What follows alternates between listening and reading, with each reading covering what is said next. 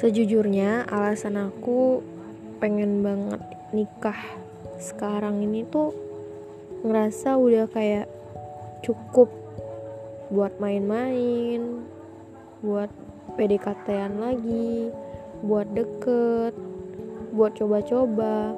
Kayak udah buang-buang masa gitu. Kayak ini loh, udah waktunya aku tuh butuh orang yang serius, butuh pendamping bukan butuh aku pacar sekarang ini. Aku butuh orang yang serius yang bakal nemenin aku untuk sekarang nanti dan selamanya